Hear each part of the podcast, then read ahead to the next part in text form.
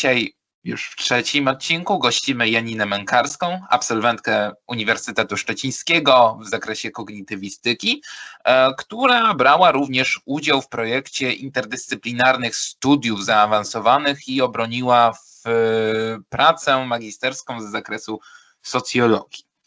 E, na dzień dobry, mm, Janko, powiedz mi, mm, czym w ogóle był ten, ten program interdyscyplinarnych studiów zaawansowanych i czym, no po prostu czym był? Mhm, to jest taki projekt y, prowadzony na Uniwersytecie Szczecińskim. Y, ja bardzo polecam, można o nim też znaleźć informacje w Google. E, to jest taki projekt, y, który polega na tym, że mm, no, ja jak dostawałam się na studia, to składałam projekt badawczy i wybierałam dwa kierunki studiów, które pozwalały mi ten projekt badawczy zrealizować. Ale nie chodziłam na wszystkie przedmioty mm, na tych kierunkach, tylko miałam wybrane przedmioty pod ten projekt, jakby pod realizację tego projektu. I e, do tego jeszcze w piątki e, zawsze mieliśmy zajęcia iszowe, czyli właśnie te, te interdyscyplinarne.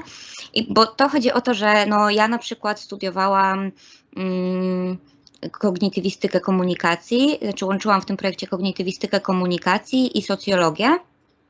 Okay. E, ale na przykład e, miałam takiego kolegę na roku, który studiował e, fizykę i ekonomię. E, I my byliśmy taką bardzo zróżnicowaną grupą, zresztą też e, była ze mną Louise, która, e, która jest z nami też na roku w szkole doktorskiej.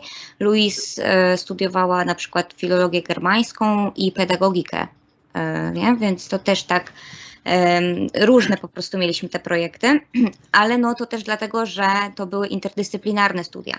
My na przykład mieliśmy seminaria, I na tych seminariach, te seminaria prowadził profesor Witek, e, mój też promotor. E, także mm, no ja, ja go bardzo lubię, więc też bardzo lubię zajęcia z nim i myślę, że super prowadzi seminaria. I to wyglądało tak, że każdy z nas no, musiał robić prezentacje dotyczące tego, czym się zajmuje w swoim projekcie. No i musiał to przedstawiać całej grupie, czyli jakby weźmy pod uwagę, że trzeba to wszystko było tak wytłumaczyć, żeby każdy to zrozumiał, nie swojej dziedziny, nie? Mhm. Jakby no Dominik na przykład, czyli ten, co wspominałam, chłopak fizyki radził sobie super z tym, nam świetnie to tłumaczył. No i trzeba było też zadawać pytania i też jakieś uwagi krytyczne starać się, się znaleźć, nie? Tak, żeby jakby to był jakiś taki wkład, y, żeby jednak te spotkania coś dawały. E, no i też mieliśmy masę różnych przedmiotów, no, takich bardzo interdyscyplinarnych, no, po, przez, od filozofii, przez ekonomię. Mieliśmy zajęcia z panem profesorem Godlewskim, ekonomistą też z Francji. E, ale też, no nie wiem, mieliśmy też pieniądze, ponieważ to, to jest też fajne, że tam w tym iszu mieliśmy 5 tysięcy na semestr do wydania na cele naukowe, no i to można było przeróżnie wydać. E, no i na przykład moja koleżanka też co studiowała kognitywistykę e, i filologię polską. E, ona wyjechała do Włoch, do Genui, do takiego laboratorium eksperymentalnego, największego takiego laboratorium pragmatyki eksperymentalnej ogólnie na świecie, nie? Więc duże możliwości daje i ja też polecam gorąco, że, że, że takie coś się dzieje na Uniwersytecie Szczecińskim. To jest coś takiego jak MISZ jest w Warszawie, nie wiem czy nie kojarzę tego programu w ogóle. Pierwszy raz mhm. usłyszałem o tym programie e, z momentem poznania siebie. Stąd no. dlatego dziękuję. E, i, i to w Włoszę, sposób, że jest coś takiego. E, w jaki sposób zapisać się na coś takiego i to, czy to do tej pory jakby funkcjonuje, czy zmieniło się trochę zasady tego projektu? Wiesz co, tak, zmieniły się trochę zasady tego projektu. Przyznam, że ja, e, ja teraz dokładnie już nie wiem, jak to funkcjonuje, bo, bo mhm. skończyłam e, w troszeczkę innych, e, inaczej też teraz w pandemii się dzieją różne rzeczy i na przykład, no to jest problem, tak, bo, bo jak jesteś iszowcem, to masz mnóstwo na głowie, bo to jest tak jakbyś prawie trzy kierunki studiował momentami, nie? I, i to jest naprawdę dużo roboty, trzeba napisać dwie prace magisterskie. U nas tak było. Ogólnie w całej Polsce tak nie było. Pisało się jedną pracę z tego, co pamiętam. E, Okej. Natomiast u nas to było tak ze względów administracyjnych. Ja do końca nie wiem, czemu to było tak rozwiązane, ale my jeszcze jak ja byłam, pisaliśmy dwie prace. No i wiadomo, że większość z nas też ja, w tym ja na przykład, e, tej nie udało mi się napisać. E, Ja nie wiem w ogóle, mm, ile osób od nas się obroniło z dwóch kierunków. Wydaje mi się, że właśnie Louise się obroniła, ale tak to naprawdę nie jestem pewna nawet stwierdzić, bo to było bardzo dużo roboty. E, Ale no każdy z nas gdzieś tam realizował te swoje projekty i miał też bardzo dużo możliwości naukowych, więc to, to naprawdę jest super. E, A teraz to chyba wygląda trochę inaczej, tylko no tak jak mówię, ja, ja już nie wiem, to dalej działa. Em, Nie jestem pewna, czy będzie działać też w przyszłym roku, bo e, nie wiem, ile jest teraz e, osób na iszu, no bo to jednak trzeba też przejść, trzeba się zgłosić, proces kwalifikacyjny. To jak Okej. się idzie na studia magisterskie, to się po prostu mm, najlepiej wejść na tą stronę em, iszu. Jak się wpisze w Google, ja mogę mm, podesłać Ci jakoś później. Podeślij to wtedy tam dam link do, do osób zainteresowanych. W, Mhm. Można się z, z tym zapoznać. E, studiowałaś i robiłaś magisterkę z zakresu socjologii i kognitywistyki. Tak.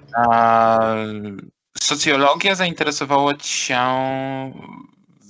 czyli de facto, e, ale obroniłaś się tylko z socjologii, Tak. czy również z Nie, kognitywistyki? nie, obroniłam się z socjologii. Ogólnie to jest. Okej. e, em, no bo to jest tak, że ja idąc e, na w ogóle na studia też, e, to interesowałam się mechanizmem empatii, a konkretnie też zaburzeniami psychopatycznymi, czyli takimi, e, znaczy w ogóle wszystkimi zaburzeniami e, z deficytami empatii, którym towarzyszy ten deficyt empatii, ale ja się skupiałam jakby głównie na tej psychopatii.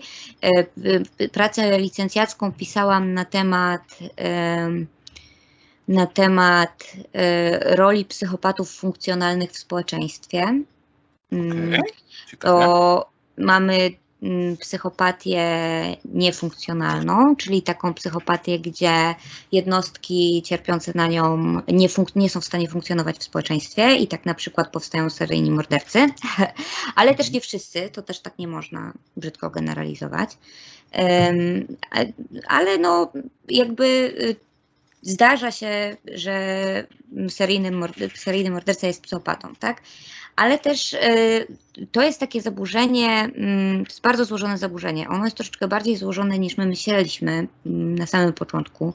Ono też y, w ogóle teraz zupełnie zmienia się nasze, nasze podejście do, do, do zaburzeń w ogóle. No to już też od jakiegoś czasu, przez, przez bardzo długi czas stosowano tak zwane podejście kategorialne. To jest tak trochę takiej terminologii.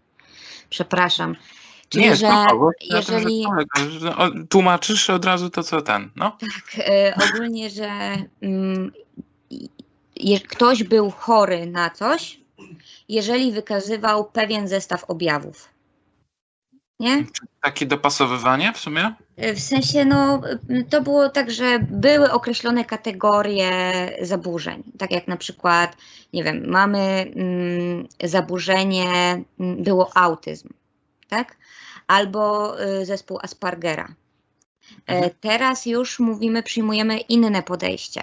Y, To jest podejście dymensjonalne i to podejście polega na tym, że zaburzenie to jest ra- raczej pewnego rodzaju spektrum, to jest coś bardziej płynnego i już teraz nie mówimy o zaburzeniu, o autyzmie czy o zaburzeniach Aspergera, my mówimy o spektrum autyzmu, czyli o bardzo wielu formach tego zaburzenia, które jakby obejmuje, jakby cechuje się różnymi zestawami objawów. Okej. E, No, Okej. E, mnie interesowała bardziej kwestia. E, no socjologią oczywiście tam na pewno się jeszcze zajmiemy. Tak. E, To- jednak interesuje mnie kwestia ta kognitywistyczna. mhm. E, mianowicie, czym jest ta kognitywistyka w końcu? Bo to jest chyba raczej najbardziej popularne pytanie, jak tylko ktoś usłyszy. Tak, Kognica. Kognica, no, no. spoko, my już mamy masę memów na ten temat. y, na Okej. Wiecie, To jest bardzo memiczny w ogóle kierunek. W każdym razie, wiesz co, kognitywistyka to jest nauka o poznaniu, mm, jakby z angielskiego cognitive science. I to jest po prostu y, nauka o tym, w jaki sposób, y, no, o procesach poznawczych, o tym, jak poznajemy świat zewnętrzny. I tylko, że to też chodzi o to, że to nie tylko jak my, jako człowiek poznajemy, tylko no, y, to, żeby to zrozumieć, to musimy to też ewolucyjnie osadzić, tak? Więc jakby jak poznają świat wszystkie organizmy, które poznają świat. Nie? No, czyli obejmuje to nie tylko człowieka, czy, ale również inne istoty żywe, na przykład zwierzęta. Myślę, że głównie zwierzęta. Nie, nie, nie będziemy mówić o procesach poznawczych u rośliny. Nie? Mm, no, okej. Okay. E, I w jakim zakresie bada się ten proces poznawczy, że tak powiem? Jakieś metody badawcze, czy. No, do tego trochę jest. W ogóle teraz też tak o. trochę y, chlapnęłam ostatnio, y, teraz już też się mówi, już teraz też się zaczyna mówić trochę o percepcji roślin. Ta percepcja jest mhm. troszeczkę inna y, i jakby też, no, takim kolokwialnym rozumieniu jakby nie do końca jest y, jakby zgodna z tym, co naprawdę, one mają zupełnie inne mechanizmy poznawcze, tak, więc y, na pewno mówimy o inteligencji roślin, także to, to jest takie, no, ale dobra, już y, słucham okay. jeszcze raz. Jeszcze raz zadać pytanie. Nie, nie, nie ma problemu. Dygresja do dygresji zawsze jest dobra. E, pytanie brzmi, e, jakie formy, jak, jak, no, po prostu mówisz, że kognitywistyka to nauka o poznaniu. Aha, o poznaniu okay. Jakie są narzędzia badawcze? Tak, jakie są narzędzia badawcze? W jaki sposób to poznajecie? Czy macie jakby jakiś jeden model? Bo Nie. z tego, co próbowałem sobie wygooglać, tak powiem, e, to widziałem, że kognitywistyka jest podstawowym złożeniem sześciu chyba różnych nauk. Czy tam neurobiologia była, technologiczna tak. inteligencja, psychologia i w sensie, wiesz, tak. powstało mm. kognitywistyka. Tak, ogólnie ta kognitywistyka to jest, no bo y, jest bardzo dużo y, nauk, które mówią nam coś o tym, jak myślimy. Okay. Nie? Czyli na przykład, y, y, nie wiem, kulturoznawstwo będzie tam znajdowało różne y, wzorce w kulturze, które gdzieś tam będą się przykładały na, na różne aspekty. Ja nie jestem antropologiem, przepraszam teraz, czy kulturoznawcą, ja, ja, nie, ja nie mam pojęcia, jak to się, jak, jak to się robi. E, ale no, mm, chodzi o to, że tych z każdej dziedziny w tej kognitywistyce, w zależności od tego, jaki element poznania chcemy badać. Y, bo wiesz, no, tu chodzi o to, żeby zrozumieć y, to, czego no, czego jakby jest bardzo dużo różnych aspektów kognitywistyki, nie? No, jakby możemy mówić o dziedzinie zajmującej się, nie wiem, snem, tak? Czy tak jak powiedziałeś, jest neurobiologia, no to to możemy mówić o mm, neurokognitywistyce. Tutaj, e, jak mówimy o neurokognitywistyce, to jednym z takich no, też pionierów w ogóle kognitywistyki w Polsce, bo to też jest jakby istotne, że y, w Polsce kognitywistyka dopiero raczkuje. Y, zresztą teraz została usunięta z listy dyscyplin naukowych wraz z ustawą Gowina. To jest y, dość szokujące, biorąc pod uwagę, że na całym świecie ta dziedzina rozwija się y, piorunująco i prowadzi do naprawdę niesamowitych y, rozwiązań. No, w każdym razie w neurokognitywistyce, no to właśnie profesor Duch się tym zajmuje. To jest, to jest bardzo złożony mechanizm. Oni mają laboratorium kognitywistyczne y, naprawdę świetnie w Toruniu, wyposażone w rezonans magnetyczny, y, mają tam encefalograf. Oni naprawdę y, tak naprawdę neurokognitywistycznie podchodzą do sprawy. Okay. E, on jest też, to są też tacy szaleni naukowcy, nie? Na przykład też pokazuje, jaką, jest, jaką dziedziną jest kognitywistyka. No, e, profesor Duch też ostatnio był na kognikacji, takim mm, wydarzeniu, które my organizujemy jako koło i opowiadał o tym, że robił takie badania, e, jak mniej więcej wyglądają procesy poznawcze, kiedy ktoś jest na głodzie, więc nie jak przez trzy dni codziennie go podłączali do różnych urządzeń, żeby sprawdzić, nie? Także się tak bawią. E, to, to jest e, ciekawe bardzo I, i naprawdę niesamowite też efekty pracy tworzą, ale też kognitywistyka to może być sztuczna inteligencja to są, no nie wiem, też różne, jakie korzyści płyną z, z dużego rozwoju też kognitywistyki, no to obecnie też wykorzystuje się do rehabilitacji mm, światy wirtualne, to znaczy w okulusach robi się i takie, są takie badania, które pokazują, że dzięki rehabilitacjom w okulusie osoby, które mhm. znajdują się w paraliżu całkowitym są w stanie mm, przejść do paraliżu częściowego. Y, to, jest, to są takie wyniki, których nie uzyskiwano wcześniej y, różnych, jakby to są bardzo, no to są naprawdę niesamowite wyniki. To jest dopiero raczkuje, te badania to się naprawdę bardzo długo robi. Mm, jeszcze, no teraz one są niesamowicie kosztowne, nie? Więc to też jest, ale no takie rzeczy się dzieją, takie rzeczy są. No ja bardziej zajmuję się, y, znaczy ostatnio akurat, jakby takimi mm, też procesami decyzyjności. Ja chcę pisać, no długo się też tym zajmowałam odnośnie psychopatii, bo to tam też był ten mechanizm empatii i takie podejmowanie decyzji, mechanizmy podejmowania decyzji tam były y, istotne.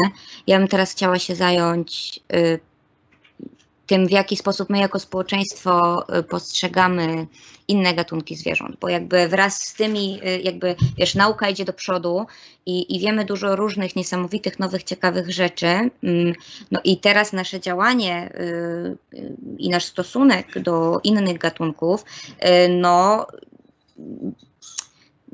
no, myślę, że każdy powinien się nad tym troszeczkę zastanowić, bo, bo skoro już poważnie rozmawiamy na przykład o rasizmie, yy, no to też może powinniśmy porozmawiać poważnie o innych uprzedzeniach, nie? Za chwilę przejdziemy do tego tematu, bo płyniesz po prostu po wszystkich tematach, które tutaj przygotowałem, e, a chciałbym mm, tak powoli się skupić na niektórych.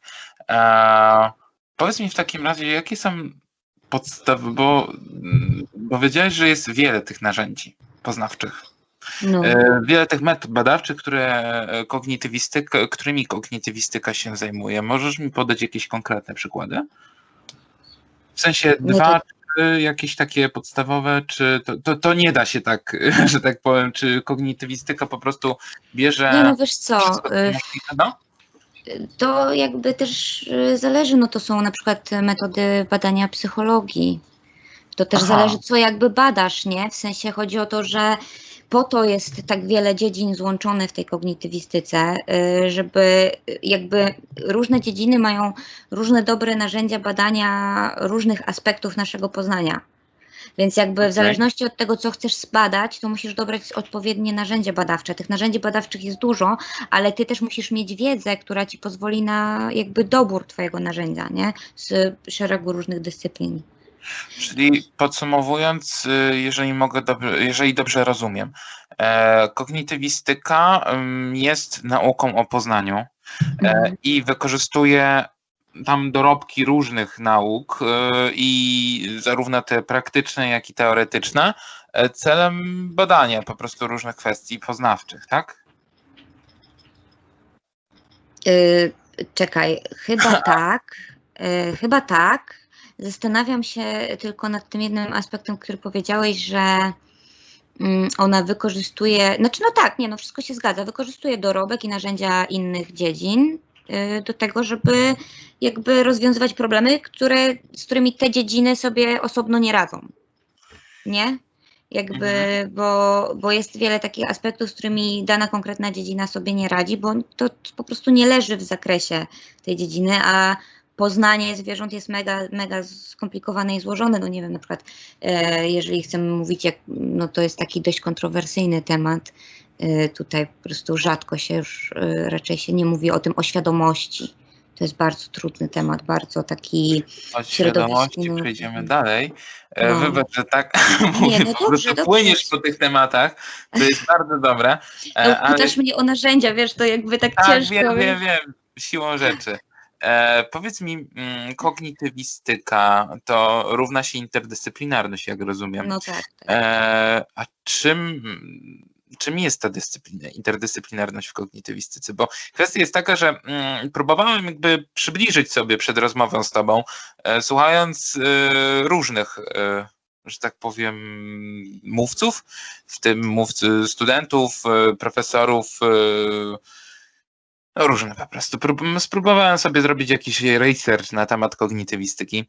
E, jak skutecznie to już e, druga kwestia, e, ale cały czas gdzieś na pytanie o kognitywistyce to interdyscyplinarność. W sensie to mi nic praktycznie nie mówiło. No jest kognitywistyka, jest, teraz już bardziej skonkretyzowałaś mi, że to nauka o procesie poznania. Tylko po prostu ta interdyscyplinarność cechuje się po prostu tym, że bierze się wszystko co możliwe i pyk, że tak powiem, e, nauka o poznaniu? Czy jak to? To jest e, nauka o procesach poznawczych, nie? To, to też nie jest do końca tak, że to jest nauka o procesie poznania. To okay. też na pewno w jakimś stopniu, chociaż no y, tutaj musimy wejść, nie wiem, chociażby na temat y, świadomości, mm, który jest y, trudny. No, tak, no i, i po prostu nie wiem, skupiłam się, przepraszam. E, Okej, okay, nie ma problemu. E, e, to może przejdźmy dalej, jeżeli. Okay. E, wspomniałaś, że nie została kognitywistyka uznana jako odrębna nauka w tej nowej liście. Gowina, jak to ujęłaś. E, tam lista dziedzin dyscyplin naukowych. E, jak myślisz, dlaczego? W sensie to, to jest duża kontrowersja w odnośnie, no na pewno jest to duża kontrowersja dla kognitywistów. E, pytanie brzmi, e, jak wielka to jest kontrowersja, w sensie to, jak wygląda tutaj za granicą, bo mówiłeś, że to w Polsce dopiero raczkuje. E, Czy no wiesz co, ja nie wiem dlaczego. Ja nie chcę tutaj spekulować. Ja mm, nie wiem, no, niedopatrzenie. Ktoś nie zna, no. nie wie, że ktoś, kto robił, że jest taka. No nie, nie, ja nie mam pojęcia, słuchaj, dlaczego.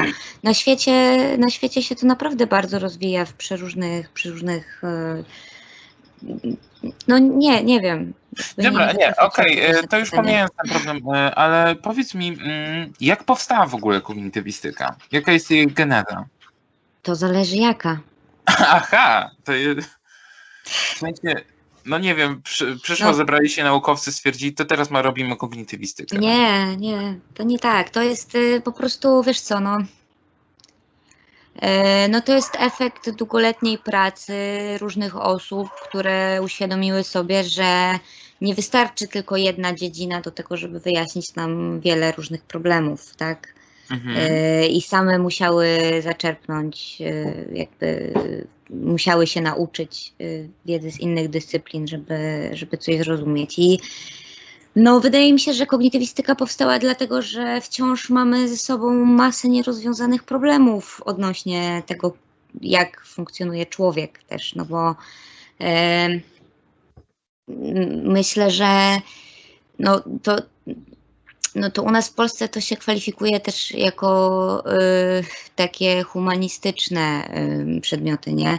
No mhm. ja nie wiem, to też ostatnio na, na konferencji też się śmiał, y, też się zawsze śmieją. To, to, jest mnóstwo logiki, nie? Też na przykład logika jest y, no jednak y, no, no, czy to jest humanistyczne, czy ścisłe, nie? No jakby ten, po, ten podział jest pewnego, no to nie, nie jest doskonały, więc jakby i to też jest, y, to też jest ciekawe, że wiesz, ludzie y, ludzie y, klasyfikują kognitywistykę jako nauki humanistyczne, kiedy tak naprawdę ciężko to sklasyfikować jako nauki humanistyczne, bo nauki humanistyczne, żeby wyja- jakby, wiesz, nauki ścisłe mają za zadanie opisać świat, w którym żyjemy okay. pisać, zrozumieć go za jego pomocą.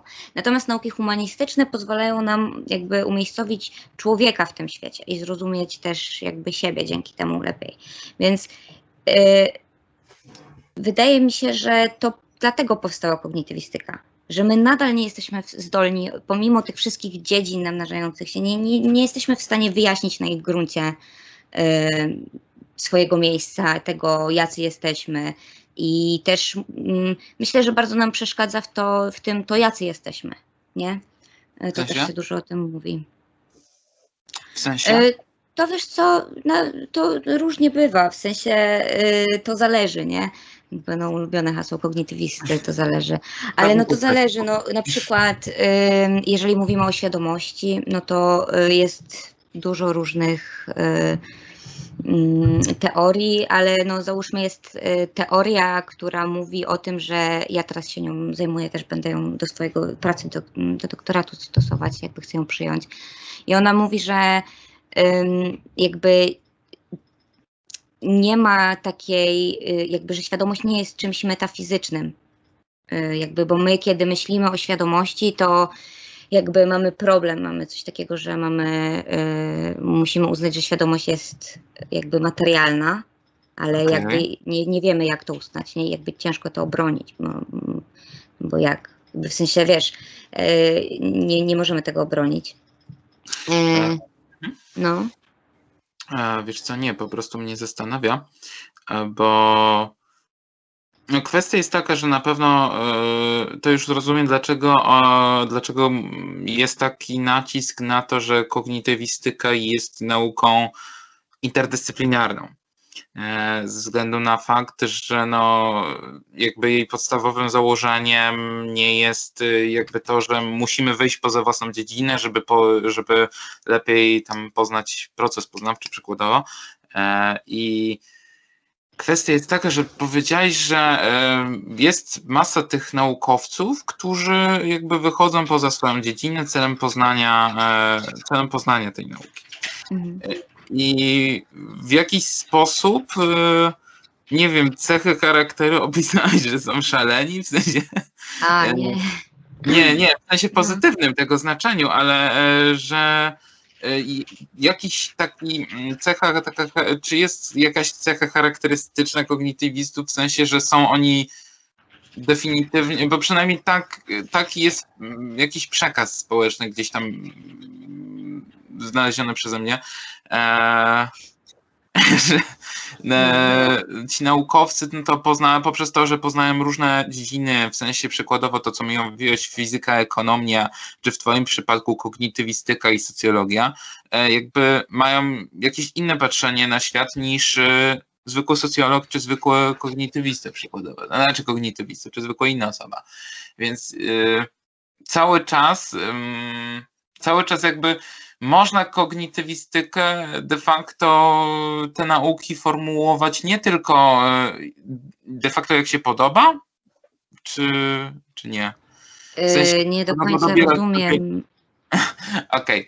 E, chodzi bardziej o to, e, czy w kognitywistyce, gdy już podejmujemy jakieś działania, to de facto mamy jakieś te możemy sobie wybrać nauki, które, e, które, e, którymi będziemy się zajmować, czyli na przykład wykorzystywać narzędzia badawcze z jednej i drugiej strony i skupić się na jakimś problemie badawczym. E, po prostu Poczekaj, a czy ty teraz nie mylisz kognitywistyki z interdyscyplinarnymi studiami No właśnie ciężko mi tutaj no, cały czas jakby określić, czym jest ta kognitywistyka. W sensie cały czas próbuję poznać i w sensie ona nie ma jakby nic wspólnego z interdyscyplinarnymi studiami zaawansowanymi, oprócz tego, że ja wybierałam ten kierunek. Aha, dobra.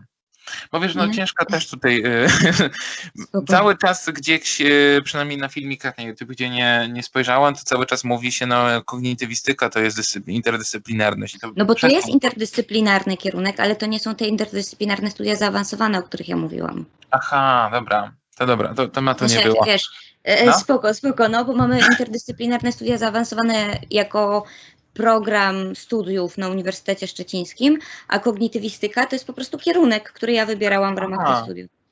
No okay. a na przykład mój kolega wybierał ekonomię i fizykę, nie? Mm. Albo mieliśmy też, nie wiem, Luis miała pedagogikę i filologię germańską. Okej. Okay. Powiedz mi w takim razie, czy jakby kognitywistyka, e, dobra, bo to będzie bezsensowne pytanie, bo powiedziałeś, że to zależy od dziedziny, którą jakby badamy w ramach kognitywistyki, bo chciałem się zapytać, czy kognitywistyka jest ewolucją filozofii, czy to jakby odrębne... Wow, e, no. Wszystko jest ewolucją filozofii. A.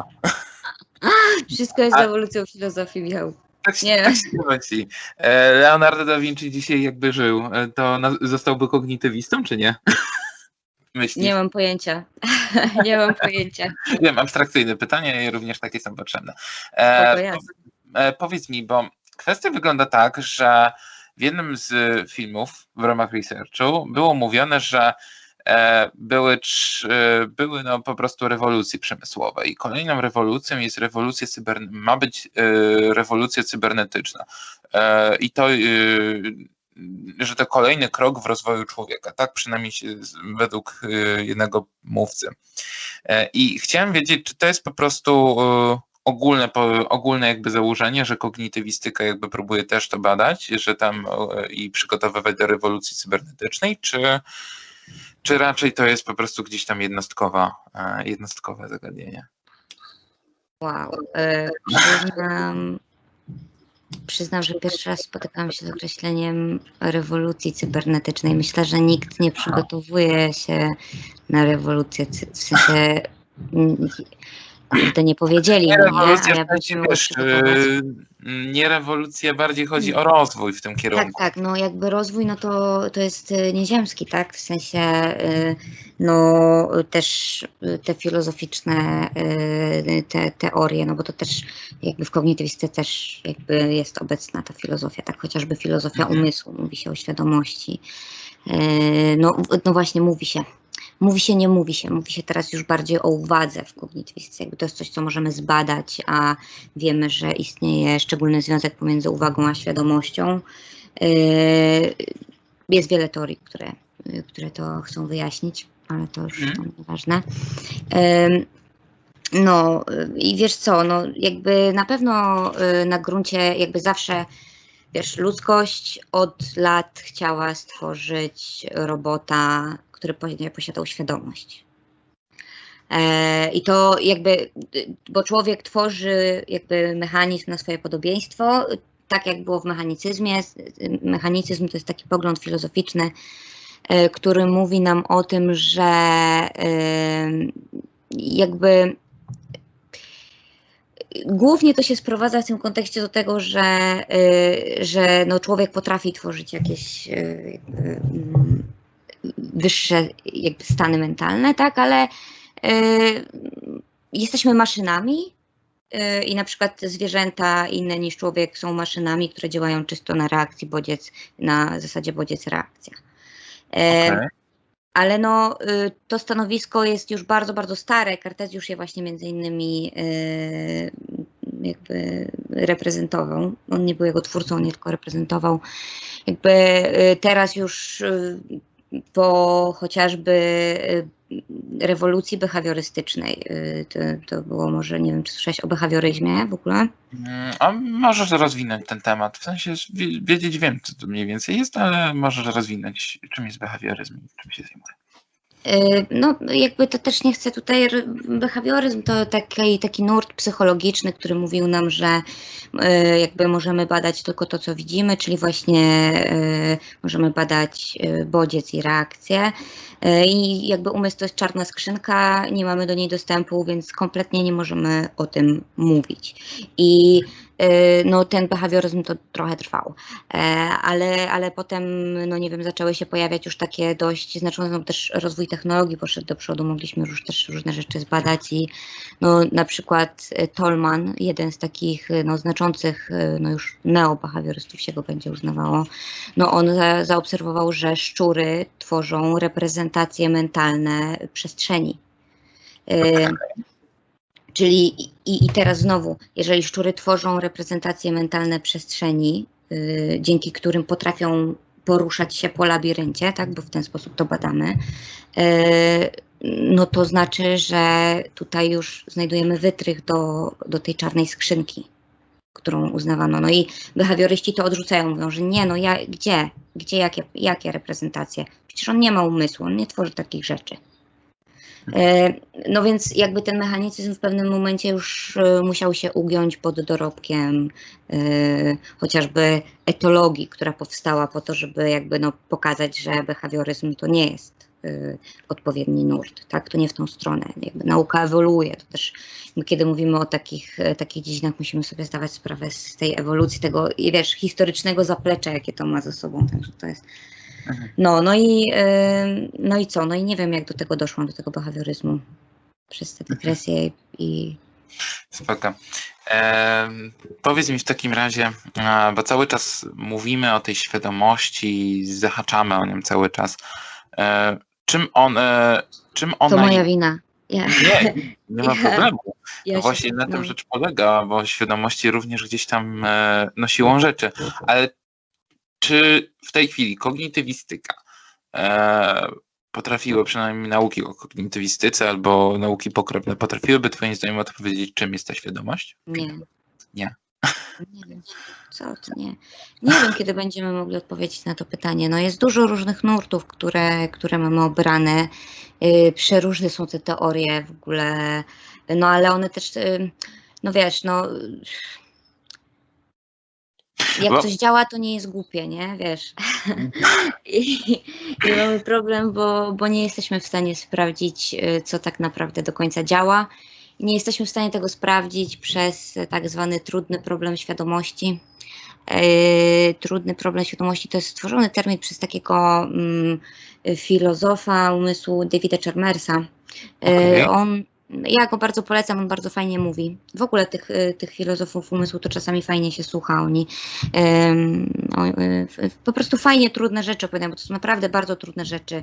Ja też tak mówię tutaj, e, czasami może to mm, brzmieć jakbym nie wiedziała, co jakby, po prostu nie wiem czasami jak coś wyjaśnić. Nie? To są naprawdę takie mega trudne rzeczy, które wymagałyby milion godzin mojego gadania i tak już gadam dużo, nie?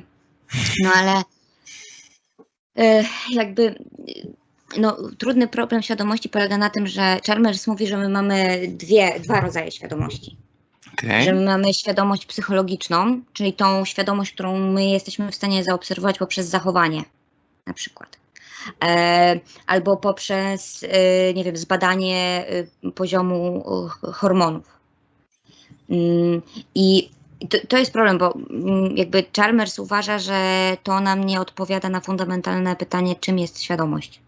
E, To jest nauka korelacji, no bo to jest korelacja, możemy sprawdzić korelację, a nie nauka e, jakby przyczynowości. Okej. I No. my nie wiemy skąd się bierze świadomość. I teraz jeszcze, bo to jeszcze jest jedna rzecz, przepraszam, już ci daję. Nie, no dobra, zadaj mi pytanie, powiedz ty, bo będzie dużo. Nie, po prostu e, wiesz co, zastanawia mnie, bo kwestia jest taka, że to chciałem też odnieść potem do świadomości wśród zwierząt, bo to powiedziałeś, że jest, jest to kontrowersyjny temat, ale jeżeli chodzi o świadomość i jest jakby brak, albo przynajmniej próbujemy dalej poznać jakieś podstawy, czym jest świ- świadomości poprzez określenie jej źródła, e, i dalej nie wiemy, czym jest świadomość, to jak mówimy, możemy rozmawiać o świadomości u kogokolwiek. No w właśnie o sensie- to chodzi. Tak, tak, to jest właśnie o to chodzi. To jest jeszcze, bo to jest związane jeszcze tak, bo ta psychologiczna świadomość, to ona jest do zbadania. My możemy zaobserwować y, różne, różne, y, no właśnie, tak jak powiedziałam, podniesiony hormon, nie wiem, podniesiony poziom kortyzolu y, świadczy o tym, że zwierzę, w tym wypadku człowiek, doznaje stresu, tak? Okej. na przykład. Ale jest jeszcze drugi rodzaj świadomości, Chalmers mówi. To jest ta świadomość fenomenologiczna, to jest ta świadomość, to jest to doznanie. To jest y, jakby takie subiektywne odczucie, które, które towarzyszy każdemu, każdemu z nas. Chalmers porównuje to do filmu, że my żyjemy w multimodalnym filmie, y, w którym jesteśmy w centrum jakby uwagi, Okej. i jeszcze prowadzimy, jeszcze mamy narrację do tego filmu, nie? Jakby musimy sobie, uś- że, bo, żeby zroz, bo to A jest, że żyje we własnym filmie, jak rozumiem, wedle tego założenia, tak? To jest metafora. A, metafora. E, to jest metafora, no. To jest Znaczy, metafora. znaczy Chodzi wiem, o to, że to jest wiesz, metafora, tylko że- najzwyczajniej w świecie ciekawe porównanie. tak, to bo mi wiesz, chodzi o to, że istnieje takie pojęcie y, kualiów. Y, kualia to są, taki, to są jakości jakby zmysłowe. To są, znaczy no zmysłowe, to są jakości w ogóle. E, To jest strasznie, to jest mega trudny temat, dlatego to jest taki, wiesz, nie wiem, czy na podcast to jest. t- to są, e, no nie wiem, jak ja patrzę. Okej, jest taki eksperyment myślowy, który mówi nam, e, to jest Mary w czarno-białym pokoju. Okej. To polega na tym, że mm, Mary, ona nigdy w życiu nie wychodziła poza czarno-biały pokój Dobra. ale specjalizuje się y, w kolorach. I y, ona głównie specjalizuje się w kolorze czerwonym. I ona wie wszystko o kolorze czerwonym, zna długość światła koloru czerwonego. Wszystko wie. wszystko po prostu, co można wiedzieć, jaką, wiesz, no wszystko No okej. z takiego mechanistycznego punktu widzenia, tak? Tak jak, i teraz, ale Mary pewnego razu dostaje do tego laboratorium pomidora. I wtedy Mary widzi ten kolor czerwony. I widzisz, jakby tutaj mamy tą dodaną wartość, że ona to odczuła. Jakby ona posiada tą, ona widzi ten kolor, który wcześniej już znała, ale nigdy wcześniej go nie widziała, więc jakby czy możemy powiedzieć, że przed zobaczeniem tego koloru czerwonego na żywo Mary y, wiedziała wszystko o kolorze czerwonym?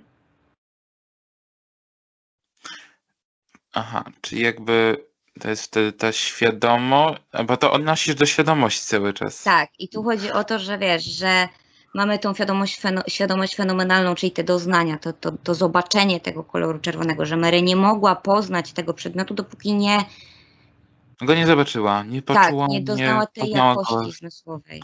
Aha. I to świadomość jest w odniesieniu tym. Dobra. Je- Jest to Nie ciężkie, masz rację. świadomość, jakby wiesz, bo, bo Mhm. jakby to jest duży problem. Ja ci teraz to też tak mówię, no ja podejrzewam, że gdyby to usłyszał jakiś z moich też profesorów, to, to tutaj y, mógłby też chcieć coś dodać do tego, co ja mówię, nie? Jakby mm, no no zadaj pytanie dalej o świadomość, jeśli chcesz drążyć świadomość, ale no ja mówię, ja nie jestem specjalistką świadomości. Ja teraz tylko Okej. Dobrze, przejdziemy dalej. W sensie już podrążyliśmy wystarczająco, Na przykład myślę, że to, co może być ciekawe, to co ja No. teraz ja przyjmuję taką teorię. No ja bardzo polecam, żeby sobie przeczytać tę teorię Chalmersa. Yy, ona jest no, yy, bardzo też ciekawa, też właśnie zakłada, że świadomość jest pewną fundamentalną własnością świata. To znaczy, tak jak mamy grawitację. yy, No. I yy, wiemy, że istnieje grawiton, ale jeszcze go nie odkryliśmy no to, że świadomość też jest jakąś taką fundamentalną cząstką, której jeszcze jakby, której nośnika jeszcze nie odkryliśmy, tak jak w przypadku grawitacji, nie? Mówi się też o tym. To jest, i to jest badane, y, Chalmers to bada razem z grupą y, fizyków kwantowych, nie? No, oni sprawdzają kolapsy w mikrotubulach, bo uważają, że te nośniki będą, będziemy mogli zaobserwować podczas kolapsy w mikrotubulach. To są bardzo drogie badania, ale widzisz, Mhm. one gdzieś tam działają, one znajdują swoje zastosowanie, też są dlatego tak finansowane i jakby, no to też jest taka teoria, która przez długi czas była uznawana za, no, tak szeroko była przyjęta, nie? Ja raczej jestem w tej drugim obozie, ja, ja jakby, ja chcę zbadać różne rzeczy. Ja, Okej. y, y, ja przyjmuję taką teorię świadomości, znaczy no przyjmuję, no ja nie wiem, czy ona jest prawdziwa, czy ona nie jest prawdziwa. Nikt nie wie, jaka teoria świadomości jest prawdziwa, nie? Jakby to ten, ale, ale y, no na przykład y, jest taka teoria, to jest zupełnie, tak jak mówię, przeciwna strona. Daniel Dennett, może go kojarzysz. On jest y, szalony też w mediach. On jest nazywany jednym z, ze współczesnych jeźdźców y, współczesnego ateizmu, tak? Jeden z jeźdźców współczesnego ateizmu. Okej. jest No, Dawkins też tam jest. Nie kojarzysz?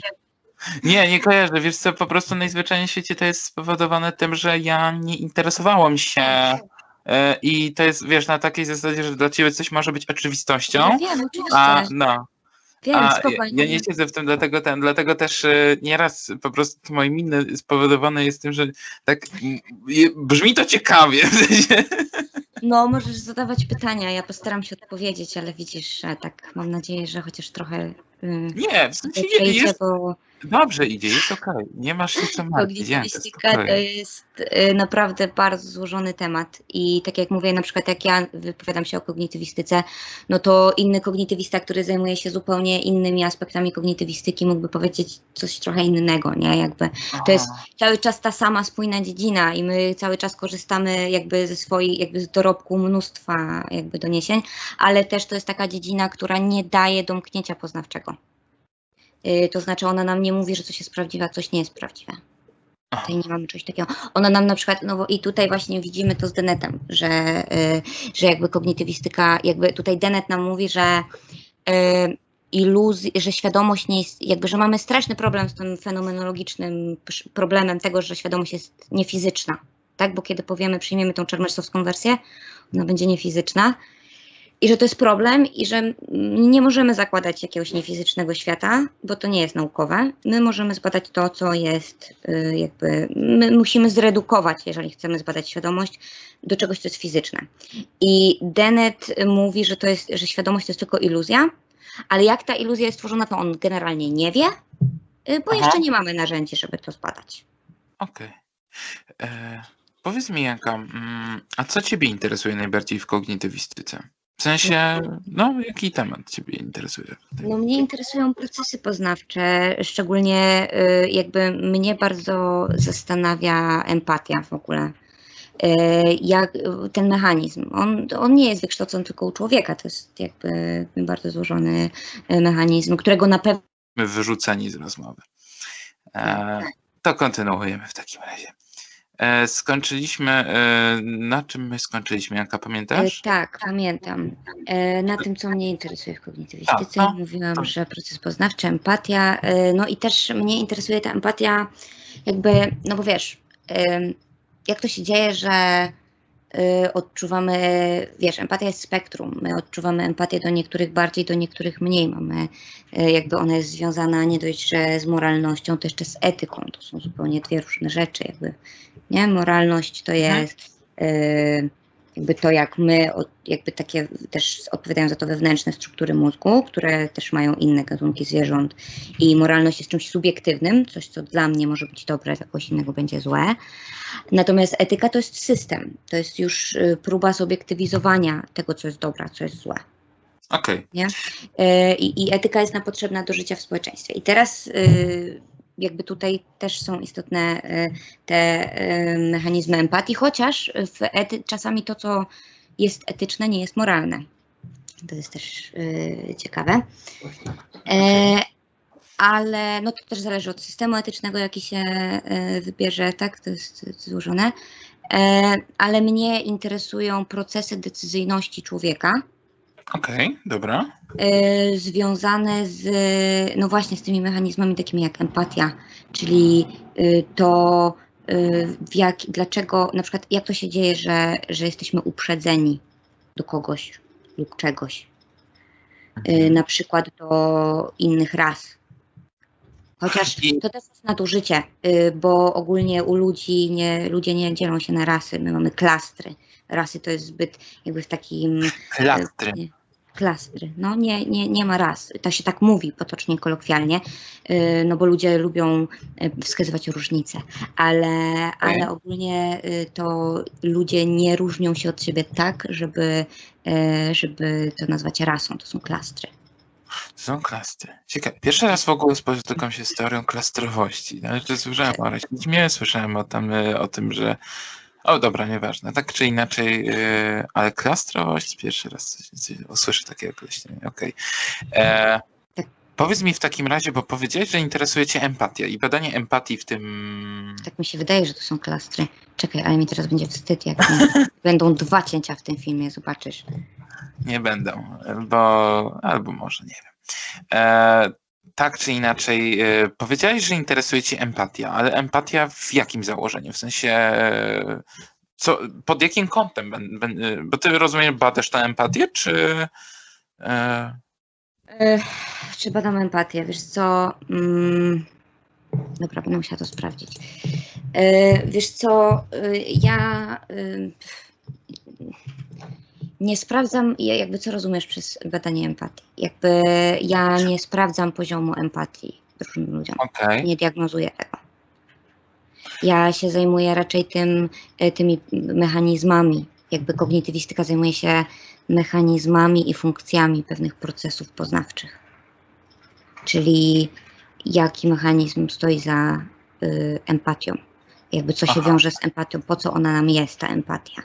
Y, I jakby też mm, no, to ma takie, no to też zale- wiesz, to jest bardzo mocno, no znowu zależne od tego, jakimi chcemy być ludźmi, to w jaki sposób chcemy y, kształtować y, jakby nasze postawy jako ludzie, to znaczy no wiesz,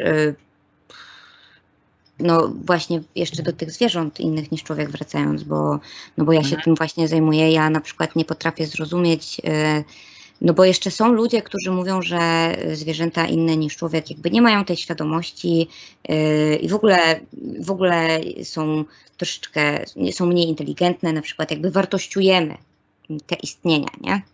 Mhm. Yy, natomiast to zupełnie nie ma sensu. W sensie yy, szacunek do drugiej istoty nie powinien wynikać z komponentów tej istoty. Nie powinien wynikać z tego, czy ona jest mądra, czy ona jest głupia nie powinno to wynikać z tego, czy ona ma świadomość, czy nie ma. Należy jakby, no tutaj jest już troszeczkę, i, troszeczkę inaczej też, no bo tutaj mówimy o tym, że jeżeli coś odczuwa cierpienie, to znaczy, że ma podstawowe interesy, a tymi interesami jest nieodczuwanie cierpienia. Okay. Cierpienie jest czymś negatywnym dla nas, tak?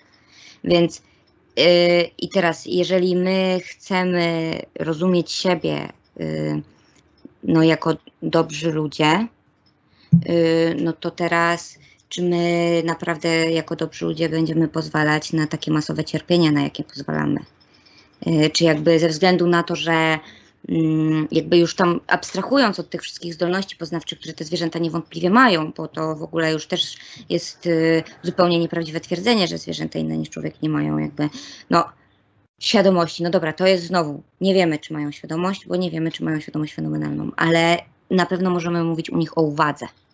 Yy, I no i już tutaj no badamy, tak? To jest w ogóle niesamowite. No, y, ostatnio, tylko teraz nie pamiętam, kto, jaki gatunek y, głowonogów, ale właśnie jakieś głowonogi przeszły marshmallow test, a marshmallow test to jest test, którym ludzie badają wśród dzieci zdolności do samokontroli, nie? Także nieźle. Natura jest niezwykła. E, no. powiedziałaś, e, powiedziałaś, że e, znaczy inne, człowiek inny niż Człowiek jest zwierzęciem w tak. określeniu. Okej, okay. w sensie e, jest to po prostu naukowe stwierdzenie, czy. Tak, to jest naukowe stwierdzenie. Nie mamy osobnego królestwa ludzi. Jakby wiesz, są różne Aha. podziały, nie? ale nie ma królestwa ludzi. Człowiek jest zawsze zwierzęciem. No tak. E, no okej. Okay. To powiedz mi, no? Po prostu w tym pojęciu jest, chodzi o to, że e, ja też właśnie jako kognitywistka e, wierzę w to, że język kształtuje y, sposób, w jaki postrzegamy świat. Okay. E, jakby, albo może inaczej. Znaczy, no, na pewno go kształtuje, a na pewno jakby w jakim stopniu to już tam nie mnie się tym zajmować, ale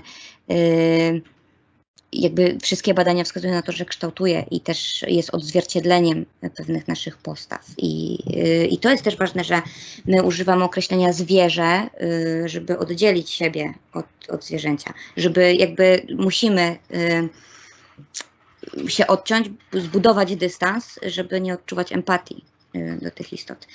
Żeby też później robić im takie rzeczy, jakie im robimy i mówić, że to jest dobre, bo my mamy prawo tak robić i my sobie to tłumaczymy. Jest mnóstwo różnych błędów, jakby różnych tłumaczeń, jak ludzie sobie tłumaczą krzywdę, jakby redukują swój dysonans poznawczy. Nie? E, czyli kwestia jest taka, e, poznajemy świat poprzez e, język. E, I poznajemy w sensie, świat poprzez wiele różnych. Yy, tak, ale nie, w sensie chodzi mi o poznawanie poprzez język, że poprzez to, jak mówimy i co mówimy, kreujemy rzeczywistość. E, tak. znaczy, kreujemy swoje postrzeganie rzeczywistości. A, kreujemy rzeczywistość to nie wiem, czy kreujemy, ale y, postrzeganie, włas, jakby własne postrzeganie rzeczywistości. Okej. Okay. E, i stąd między innymi takie naciskanie na, składane są naciski na to, jak mówimy i co mówimy. Tak. Bo też między innymi wczoraj e, w Nature e, czytałem na temat propozycji zmiany e, zmiany po prostu nazywnictwa tych wszelkich odmian COVID-u. W, sensie Y, chodzi po prostu o to, żeby nie stygmatyzować tych osób, y, nie stygmatyzować krajów, bo mówimy cały czas, że jest a, e, e, odmiana angielska, odmiana indyjska, odmiana taka i propozycja była zastąpienie tego e, alfa, beta, gamma, czyli poprzez te różne mutacje covidowe, żeby zastąpić to, żeby nie było stygmatyzowania po prostu przykładowo Indii za to, że tam jest ten inna, cięższa odmiana covidu, teraz ostatnio nie wiem, Irlandia i żeby nie mówić, no a wirus wirus brytyjski, czy tam wirus taki, no ze względu na negatywne nacechowanie. E, w sensie No, e, No i to jest właśnie taki przykład, tak? W sensie, no można po- posłużyć jako taki przykład z tego, e, jak mówimy, jak kreu poprzez to. Tak, jakby- tak, tutaj y, no, no na pewno to jest tak, przykład czegoś takiego. Znowu mi się zacinasz, nie wiem, czy mnie słyszysz. Nie, wiesz co, są jakieś dzisiaj przerwy w połączeniach. Dobra, ale je- jest okej. Ja ciebie słyszę. Dla Też ciebie Ciebie słyszę. E, o, super. Powiedz mi, bo mm, powiedziałeś, że tam między innymi będziesz zajmować się kwestią dotyczącą uprzedzeń. Większość ludzi ma e, uprzedzenia, czy jak nie wszyscy, czy jak to twoim zdaniem wygląda? W sensie, jak to kreujemy, jak rozumieć uprzedzenie? może? Y, No, uprzedzenia. y, y, Uprzedzenia, y, nie wiem, czy każdy człowiek ma. y, Znaczy, no myślę, że, że, że tak, że jakby jakieś uprzedzenia każdy człowiek ma, bo my też. y, No, mm, no jakby wiesz, to też zależy o jakie uprzedzenia mnie pytasz, nie? A jakie są? O matko, no mm, wiesz co, y, ja mm, myślałam o tym, żeby mówić troszeczkę o, o uprzedzeniach, y, y, które, no, uprzedzeniach awersyjnych lub bardziej może takich uprzedzeniach, które pozwalają nam na y, właśnie jakąś redukcję dysonansu poznawczego. E, Też jakby, no wiesz, uprzedzeń jest dużo różnych, więc też tutaj tak, no ale ja myślę, że ja bym chciała mówić o tych uprzedzeniach do innych zwierząt, czyli o szowinizmie gatunkowym, który opiera się na uprzedzeniach, tak? E, Milion gatunkowy opierający się na uprzedzeniach, okej. E, No, a szowinizm gatunkowy to jest uważanie, y, że inne gatunki, jakby faworyzujemy swój, tak? W sensie, Mhm. ja uważam, że inne gatunki są gorsze niż mój.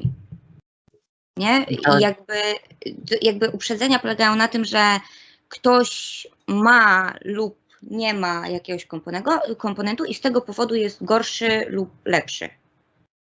Mhm, na takiej zasadzie. E, dobra, to przejdźmy już do Animal Studies. E, powiedziałeś, że to jest twoje de facto też zainteresowanie, gdzie się tym zajmujesz. Czym, czy możesz skategoryzować e, studia nad zwierzętami jako w sensie naukę, czy to jest bardziej, bo też kwestia jest taka, że w ramach e, pani Bakka, chyba opubliko, jest publikacja pani Baki dostępna też w Google, e, która mówi o tym, że jakby do tej pory nauki o zwierzętach nie są traktowane jakby w Polsce poważnie, e, a, to a są gdzieś jakby odskocznią od tematu tego głównego. W sensie Mhm. gdzieś tam każdy się zajmuje swoją działeczką nauki, a, a o, mamy zwierzęta, to fajnie, to wskoczymy, a nie jest to traktowane poważnie. Myślę, że y, myślisz, że tak faktycznie jest, czy Jakby wiesz co, y, nie wiem jaki jest mechanizm tego. Nie wiem, czy się Mhm. zgodzę z tym mechanizmem, który tutaj jest to przedstawione, ale na pewno, y, ale to jest pewne, że są bardzo niedoceniane. To są nauki niespecjalnie rozwijane, ale co się dziwić, to są nauki, które, żeby je rozwijać, to trzeba pokonać uprzedzenia. Mhm. A to nie jest takie łatwe, szczególnie w społeczeństwie, gdzie y, codziennie jemy kotlet na talerzu. Czyli, Nie możemy je, jakby wiesz, y, kiedy jesteśmy dobrymi ludźmi, to jakby wiesz, w sensie, y, jakby no zjadamy, jakby nie zjadamy innych ludzi, ponieważ uznajemy, że to są myślące, czujące istnienia, Y, ale zjadamy inne zwierzęta, no bo tak nam, bo smakują. E, czyli de facto, żeby to, że przykładowo, załóżmy, mamy tą tezę, że nie jest popularna, nie jest to popularne na tyle, żeby e, studia nad zwierzętami nie są aż tak popularne w Polsce i te, które są traktowane na też jest twoim zdaniem e, uprzedzeniem? W sensie te uprzedzenia nas jakoś blokują? Tak, tak. Poznawanie. Tak, no uprzedzenia kształtują nasze postawy wobec świata, nie? A Mhm. postawy y, nasze będą determinować nasze działanie. Także to Jakby wiesz, to jest ba- bardzo, to jest taka dość mocna zmiana, jakby w ogóle mentalność. To jest, wiesz, to są, to, to są, to, to są mega trudne tematy. Mhm. A czy, dobra, to jak wchodzimy już też na ten temat, to czy takie dodatkowe pytanie, czy mentalność, czy postrzeganie, czy tam uprzedzenie można, można zmieniać? Czy Tak, można. Można, tylko... No, powiedz mi, zadaj mi pytanie. Czy jest to trudne? W sensie, No, czy raczej przychodzi cyk, o, jestem przekonany, cyk, czy raczej potrzeba jakichś takich większych Mm. przeżyć? To yy, no nie, nie, to jest zdecydowanie, zdecydowanie trudna sprawa, szczególnie jakby no już nawet nie mówiąc indywidualnie, bo wiesz, indywidualnie no to, to też zależy, czy mamy uprzedzenia, czy nie mamy uprzedzeń, w jakiej kwestii, jakby na jaki temat rozmawiamy, ale e, jakby to też trzeba e, no bo wiesz, jakby tutaj trzeba zbadać też źródła. Jakby mi się wydaje, że, że tutaj yy, uprzedzeniem jest po prostu nasza, jakby, to jest nasza wygoda. My sobie będziemy yy, tłumaczyć, wiesz, jesteśmy bardziej skłonni mm, przyjąć wyjaśnienie, jesteśmy bardziej skłonni określić, że coś jest prawdą wtedy, kiedy jest zgodne z naszymi przekonaniami. To jest efekt potwierdzenia. Każdy z nas na niego cierpi. Bardzo przestrzegam, ja też. Staram się jakby unikać ale jakby każdy, każdy cierpi. Ja sobie polecam też, jest y, na Wikipedii lista błędów poznawczych, nie? Tak? Polecam sobie każdemu czasami, jak ma jakiś dylemat i o czymś myśli, czy na przykład się z kimś pokłócił, to sobie przejrzeć taką listę i się zastanowić, czy samemu się nie ulega jakiemuś błędowi. Tak się to odmienia chyba, ja przepraszam, mam problem z Panowie językiem. poznaczamy, tak, to nie ma problemu. E, Dobrze e, odmieniasz, błędowi i samemu zauważyć, że taki jakby jest się skłonnym popełniać taki błąd i już następnym razem, kiedy ten błąd się będzie popełniać, to już taka lampka nam się w głowie będzie zapalać, że a może, nie? A może nie mam Mhm. racji. Może, może coś jest, wiesz. I, y, jakby to jest, to jest kluczowe dla nas. Myślę, że to jest konieczne do tego, żeby zmieniać y, naszą, y, jakby naszą mentalność, nasze postawy. Bo, bo my możemy zmieniać, wiesz, postawy. Takie, y, i to też nie jest tak, że jakby ja nie mogę zmienić czyichś postaw. Ja nie mogę tego zrobić, to musi ta osoba to zrobić. Ja za nią nic nie zrobię. To jest, to jest jedna z niewielu rzeczy, które zależą od nas, czyli nasze decyzje, y, które podejmiemy, nie?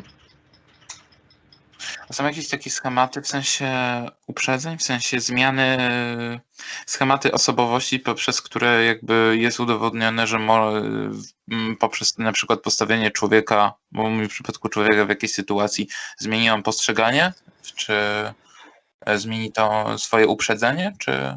Yy, znaczy, yy, tak. ojej, tak, tak, jest coś takiego, znaczy, to jest w ogóle złożony proces, to są naprawdę bardzo takie złożone rzeczy, to tutaj wszystko będzie upraszczając, więc jakby, jeżeli ktokolwiek jakby chciał tego słuchać, to niekoniecznie się powoływać na to dokładnie, co mówię, tylko jeszcze do źródeł sięgnąć, ale ogólnie chodzi o to, że yy, wiesz, yy, możemy jakby bo tobie chodzi o to, czy może, czy jakieś jedno zdarzenie może zmienić nasze postrzeganie świata? A, czyli nie, chodzi mi bardziej o to, czy jest w nauce, czy tam Tak. kognitywistyka, czy coś innego, No. czy jakaś inna się tym zajmuje, y, czy są jakieś modele poznawcze, model, jakiś po prostu schemat, który jakby może nam powiedzieć, że w danej dziedzinie, załóżmy, mamy człowieka, który jest do czegoś uprzedzony, do czegoś lub do kogoś.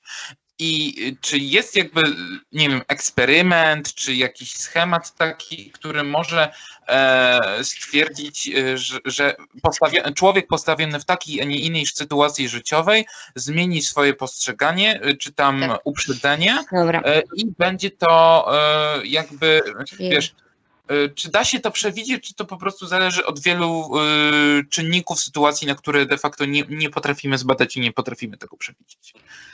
e, uprzedzenia to jest bardzo w ogóle taki temat, y, który jakby obecność uprzedzeń koreluje z kilkoma elementami. E, Okej. To jest empatia, mm, to jest wiedza i to jest anxiety, czyli taki poziom, to jest z angielskiego, nie? To jest taki Tak, niepewność, nie... niepokój, nie? Takie, No. takie uczucie. My nie mamy w Polsce takiego słowa. To jest y, i y, im wyższy niepokój, a niższa wiedza i empatia, to, nas, to mamy tendencję do powstania uprzedzeń na tle rasistowym, jakby rasy. Mhm. To o to pytałeś? Tak, to między innymi okay. chodziło tak. mi, czy jest taki no przykład. Tak. Jest, to jest na zasadzie, że no badamy, ja, ale nie wiemy, co badamy. Tak, i to jest właśnie też fajne, w ogóle to ja też, to jest, to jest moja też właśnie. Okay, to no. jest, że y, y, istnieje w ogóle taki y, też y, taka dziedzina semiotyka, semiotyka kultura, semiotyka kultury. Okay. I to jest jakby to, to jest taka też dziedzina, która pomaga nam zaobserwować różne mechanizmy przez jakby odbicie wiesz, w kulturze. Nie? E, no i, y, i, i my wiemy, znaczy od lat, tak myśleliśmy, że tym głównym czynnikiem, który y, zmniejsza, redukuje uprzedzenia, y, jest jakby ta empatia, jakby ten anxiety. W sensie chodzi o to, że jak czujesz niepokój, jakby twoje uprzedzenia są spowodowane niepokojem. I teraz na przykład osoby, jak, jak bada się takie, robi się takie badania na osobach o różnych poglądach, to, to już nie ja w tym o tym powinnam mówić, tylko Paweł Pietkiewicz od nas z roku. Y, są pewne różnice w mózgach, tylko to jest korelacja, nie przyczynowość, więc my nie wiemy, jakby co było pierwsze, czy kura, czy jajko, tak pamiętajmy o tym. W każdym razie, że i patrząc na aktywność mózgu, jesteśmy w stanie stwierdzić, czy ktoś ma poglądy bardziej konserwatywne, czy bardziej yy, liberalne. I yy, są różne, jakby są pewne typy, yy, jakby pewne cechy, które charakteryzują mm, też przez to, znaczy no przez to, nie wiadomo czy przez to, czy w związku, jakby no w związku z tym charakteryzują, jakby inaczej troszeczkę patrzą na świat i mają pewne inne na przykład y, u osób o poglądach konserwatywnych obserwujemy jakby y, troszeczkę wyższą aktywność ciała migdałowatego, czyli właśnie tej struktury w mózgu odpowiedzialnej za poczucie lęku i strachu. Więc mhm. jakby tutaj możemy wnioskować, że, że no wiemy, jesteśmy już teraz pewni, że gdzieś tam te uprzedzenia wynikają właśnie z tej niepewności.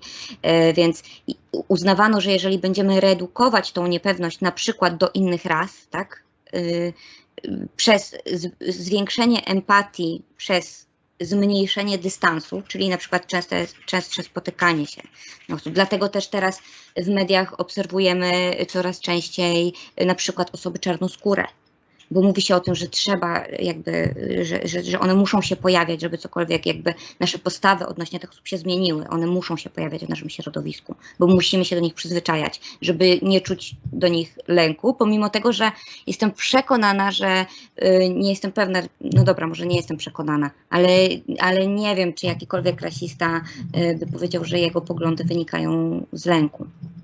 Nie to jakby też warte, to, to, jest, to, to też jest to, co nam daje kognitywistyka. To jest y, uświadomienie sobie pewnych źródeł y, z takich swoich, y, emocji, nie? Bo to też jest przykre, bo ludzie często idą na psychologa, bo chcą sobie poradzić y, jakby mm, ze sobą.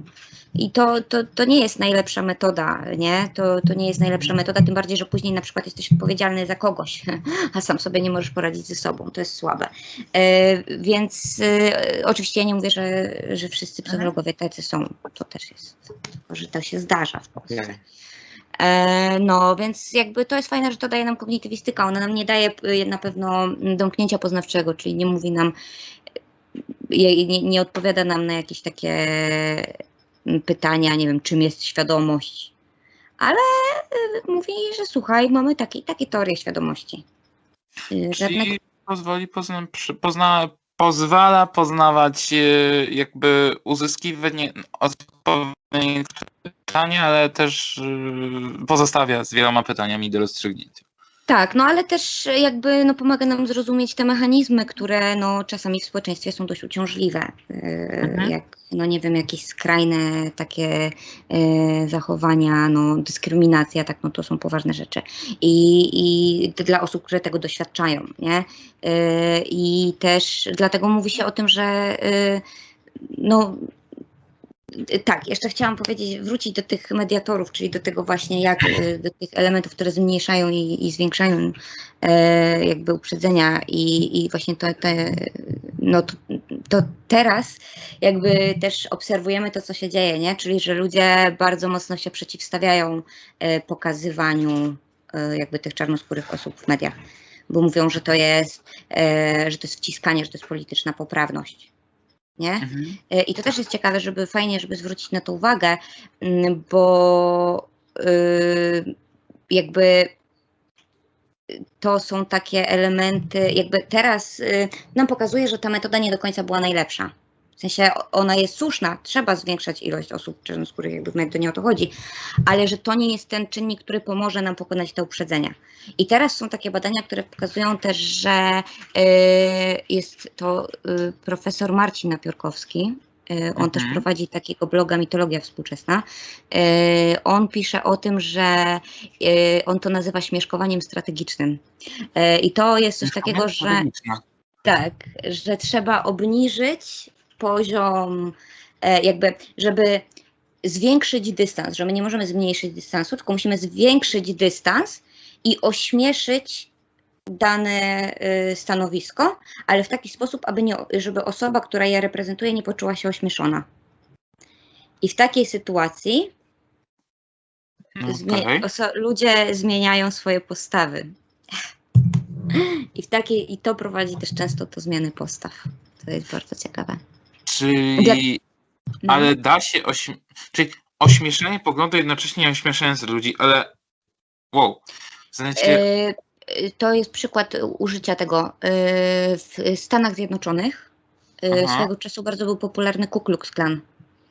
tak, tak. E, I on był bardzo popularny do momentu, kiedy mm, nie wydano książki, która stanowiła opis, znaczy może inaczej.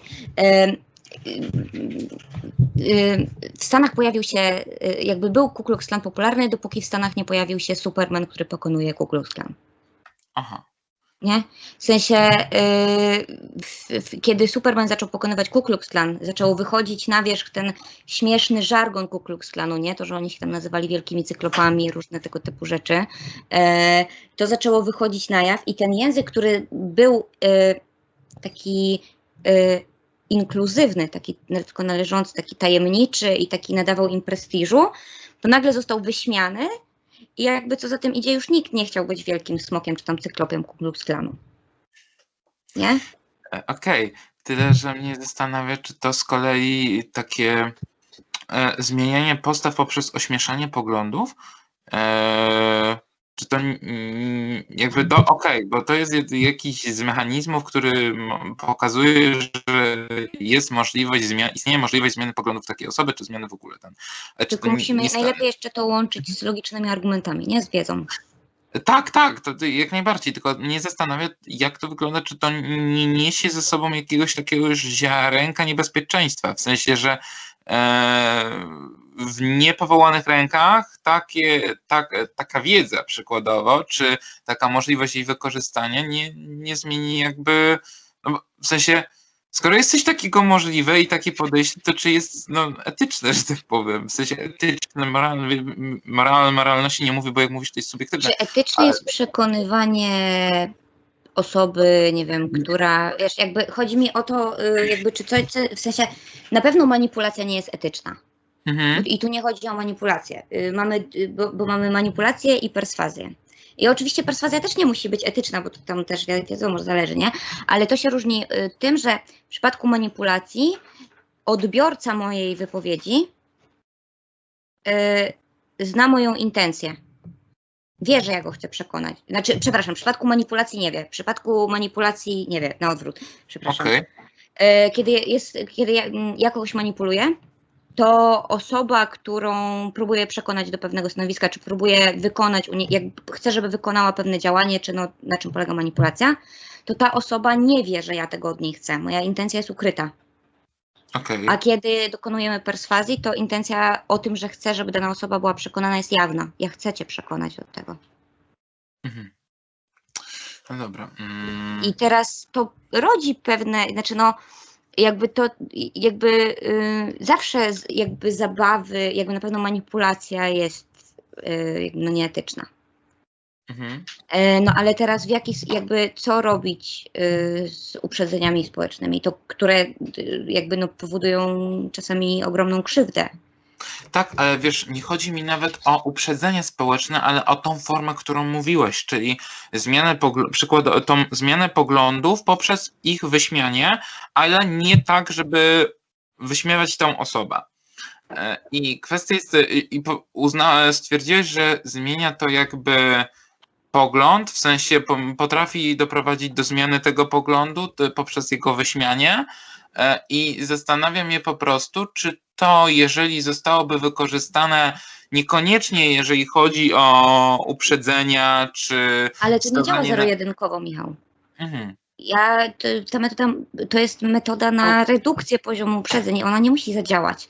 Ona też nie Aha. wiemy, w jakim stopniu ona zadziała na kogoś, tak? W sensie to nie jest Mhm. tak, to, to nie jest przycisk, to nie jest tak, że e, przychodzisz i my stosujemy na kimś, nie wiem, e, to ta osoba może zmienić. To tak samo jak wiesz, w przypadku no, takich spotkań integracyjnych, tak, osób e, uprzedzonych z osobami, nie wiem, czarnoskórymi, no to, to też wiesz, takiego skrajnego rasistę to nie posadzisz przy stole z osobą, która jest czarnoskóra, tak? Często takie osoby nie chcą, nawet nie chcą przebywać w pomieszczeniu z takimi osobami. Mhm. E, więc jakby, wiesz, to też to, no, nie można e, jakby, To też wiesz, zależy od, osoby i sytuacji. W od sensie osoby, nie, od sytuacji, tylko my próbujemy znaleźć y, jakby najskuteczniejsze narzędzie, tak? Jakby no to też nie, nie możemy, jakby to też nie możesz zmienić tak postawy głównie człowieka jak w, wiesz, przełączniku, głównie ze względu na to, że człowiek jest osadzony w kontekście, człowiek jest otoczony y, innymi ludźmi, a my jako ludzie mamy tendencję do, zamyka- tendencję do zamykania się w bańkach informacyjnych, czyli osoby, z którymi ja się kontaktuję, z którymi ja przebywam, to są osoby, które mają podobne poglądy do tych moich. Nie? Więc jakby nawet gdybyśmy, nie wiem, jakąś taką sesję raz spotkali kogoś, wyśmiali go, jakby no nie jego, tylko tą jego teorię, to on zaraz wraca do siebie, do środowiska i mówi, słuchaj, no wyśmiali mnie, co jeszcze więcej, jeżeli on się poczuje wyśmiany, co jest największym problemem tej, jakby tej metody, jeżeli on się poczuje wyśmiany, to jeszcze bardziej podnosimy mu poziom tego anxiety, czyli tego, co podnosi jakby poziom uprzedzeń, tak? Okej. Więc, no. A, Bo, dobra, wróćmy, mm, bo powiedziałeś, że zainteresujecie również Animal Studies, a jaka dziedzina konkretnie? W sensie, no, bo powiedziałeś, że pomiar, to jest pomiar e, tej, no dobra, może Empatia. co cię interesuje? E, Empatia. Empatia w relacji ludzi ze zwierzętami, tak? Y, Znaczy, no w ogóle jakby mnie tak, to mnie interesuje na pewno, a Animal Studies, no to dlatego, że jakby no to nie można mówić o y, jakby zwierzętach innych niż człowiek, o jakby badaniu ich też bez y, jakby Mhm. angażowania ich procesów poznawczych, nie? Okej. e, A czym się takie. e, Jak wyglądają takie badania przykładowo? W sensie e, zwykle teoretyzowane, czy też jakieś praktyczne podejście? No ja robię teoretyczne badania, nie? No bo my nie mamy w Polsce laboratorium do badań poznawczych nad zwierzętami, ale na świecie jest. Dużo. A jak wyglądają? Dobra, ale to powiedz mi, jak wyglądają takie twoje badania teoretyczne? E, Co, co, co ty robisz w tej chwili, ale jak jednocześnie takie badania e, nad zwierzętami, relacji ludzi-zwierzęta wygląda, w praktyce wyglądają przykładowo za granicą, jeżeli nie są dostępne w Polsce? Wiesz co, no nie wiem, no to też zależy, co się bada. Ale. Ale no y, co, no ja dużo czytam.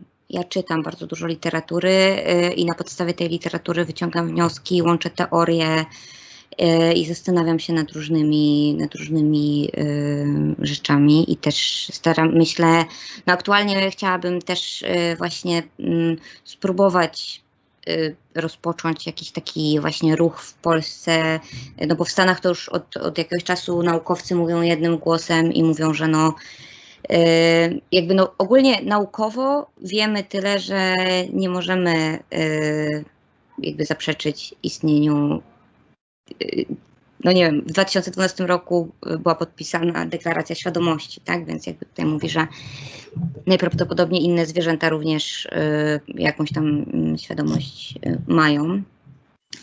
No a co się dzieje w Polsce? Jakby, czy to nie, nie powinno nieść ze sobą jakichś implikacji? W sensie na całym świecie jakby taka informacja powinna nieść zmiany postaw u ludzi. Mhm. No bo jakby, no nie wiem, y, wiesz o co mi chodzi? Czy jakby, w sensie, Myślę, że wiem o co ci chodzi, że że to jest Y- tyle niewyobrażalnego cierpienia, które my powodujemy. I robimy to jako osoby, które uważają się za osoby odczuwające empatię i które są moralne, może inaczej etyczne, które zachowują się Mhm. etycznie. I, I myślą sobie, że są dobrymi ludźmi w ogóle. To też jest y, jakby, no są, oczywiście, no co to znaczy być dobrym człowiekiem? Każdy jest dobrym człowiekiem. jakby każdy jest dobrym człowiekiem? No nie wiem, no, no, ale na pewno każdy jest dobrym człowiekiem w swojej opinii. Jakby każdy lubi o sobie myśleć, że jest dobrym człowiekiem, o może tak. mhm. E, Każdy lubi myśleć o sobie, że jest dobrym człowiekiem i raczej będziemy od siebie odsuwać te rzeczy, które będą jakby mówiły, że nie jesteśmy. No ale to nie chodzi o to, żeby tak całe życie odsuwać wszystkie nam niewygodne elementy, tylko spojrzeć na świat jednak racjonalnie i jakby dostosować się też do tego E, i być konsekwentni w tym, co uważamy za bycie jakby dobrym człowiekiem. Bo jeżeli uznamy, że dobry człowiek jakby nie przykłada ręki do masowych mordów, no to y, osoby, które na przykład jedzą mięso, no nie mogą jakby tej ręki y, przyłożyć, bo przyczy, jakby stanowią popyt dla mordowania masy zwierząt i robią to zupełnie świadomie. Jakby nie.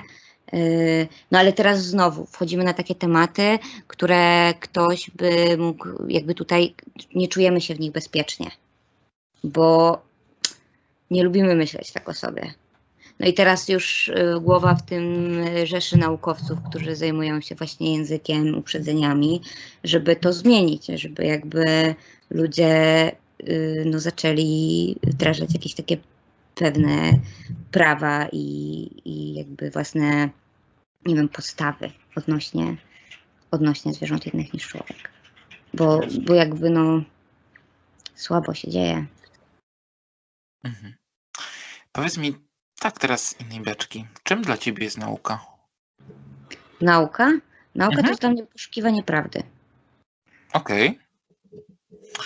E, A w sensie, a co cię interesuje poza kognitywistyką, działaniami naukowymi? Tak w sensie, jakie jest twoje hobby prywatnie? Czy jest tak, że nauka to jest moje hobby i nic więcej nie mam, czy jest również coś, czym się zajmujesz hobbystycznie? E, wiesz co, no nie wiem. E, no na pewno nauka zajmuje bardzo dużą część mojego życia. Ja bardzo dużo też muszę czytać e, właśnie do pracy naukowej, ale też bardzo lubię czytać sama dla siebie, to znaczy bardzo dużo różnych książek takich fabularnych. Uwielbiam bajki dla dzieci. Uwielbiam, jestem wielką fanką! Muminków, czy Pana Kleksa. Uwielbiam najbardziej podróże Pana Kleksa. E, Y, Niewiarygodne przygody Marka Piegusa, też bardzo lubię. Super. E, dla dzieci bajek. Em, jesteś fanką bajek, y, w sensie, jeżeli mogę to ująć, w formie książkowej, rozumiem. ale tak animacje też bardzo lubię. Aha. I takie filmowej też. No, także bardzo lubię. Robię mydła. O. Sama. Mydła? No. Tak? A jak się No. robi mydło? O matko, no to trzeba kupić sobie, co zależy, jakie mydło chcesz zrobić. Okej. Wszędzie jest to zależy. E, no ja robię sodowe mydła, czyli kupuję sobie wodorozlenek sodu. Aha. E, mieszam go z wodą, mieszam różne oleje w zależności od tego, jakie chcę robić mydło, łączę je i odstawiam je, za- żeby sobie odleżały w zależności, w bardzo dużym skrócie, nie? Ale mogę Ci pokazać. Chcesz zobaczyć? Mogę wstać, to Ci mogę pokazać. A nie, to podcast, ale mam mydła, mogę Ci wysłać zdjęcie. Możesz mi wysłać zdjęcie. y, W takim razie poproszę na zamówienie jedno. Okej, dobra, Ja mogę ale to ja zrobiłam ostatnio, ale to Aha. trzeba trochę poczekać, bo y, Dobra, nie ma one, te co ja robiłam to 6 tygodni muszą leżeć. Czyli jest to do, dość długotrwały proces. Długi proces. No. Okej. Dobrze, Janka. mm, Dziękuję Ci w takim razie za rozmowę. E, I mam nadzieję do zobaczenia niebawem e, w kolejnej. Dziękuję Ci bardzo. Ja też mam nadzieję, że do zobaczenia. Dobrze, dziękuję Ci bardzo. Dobra.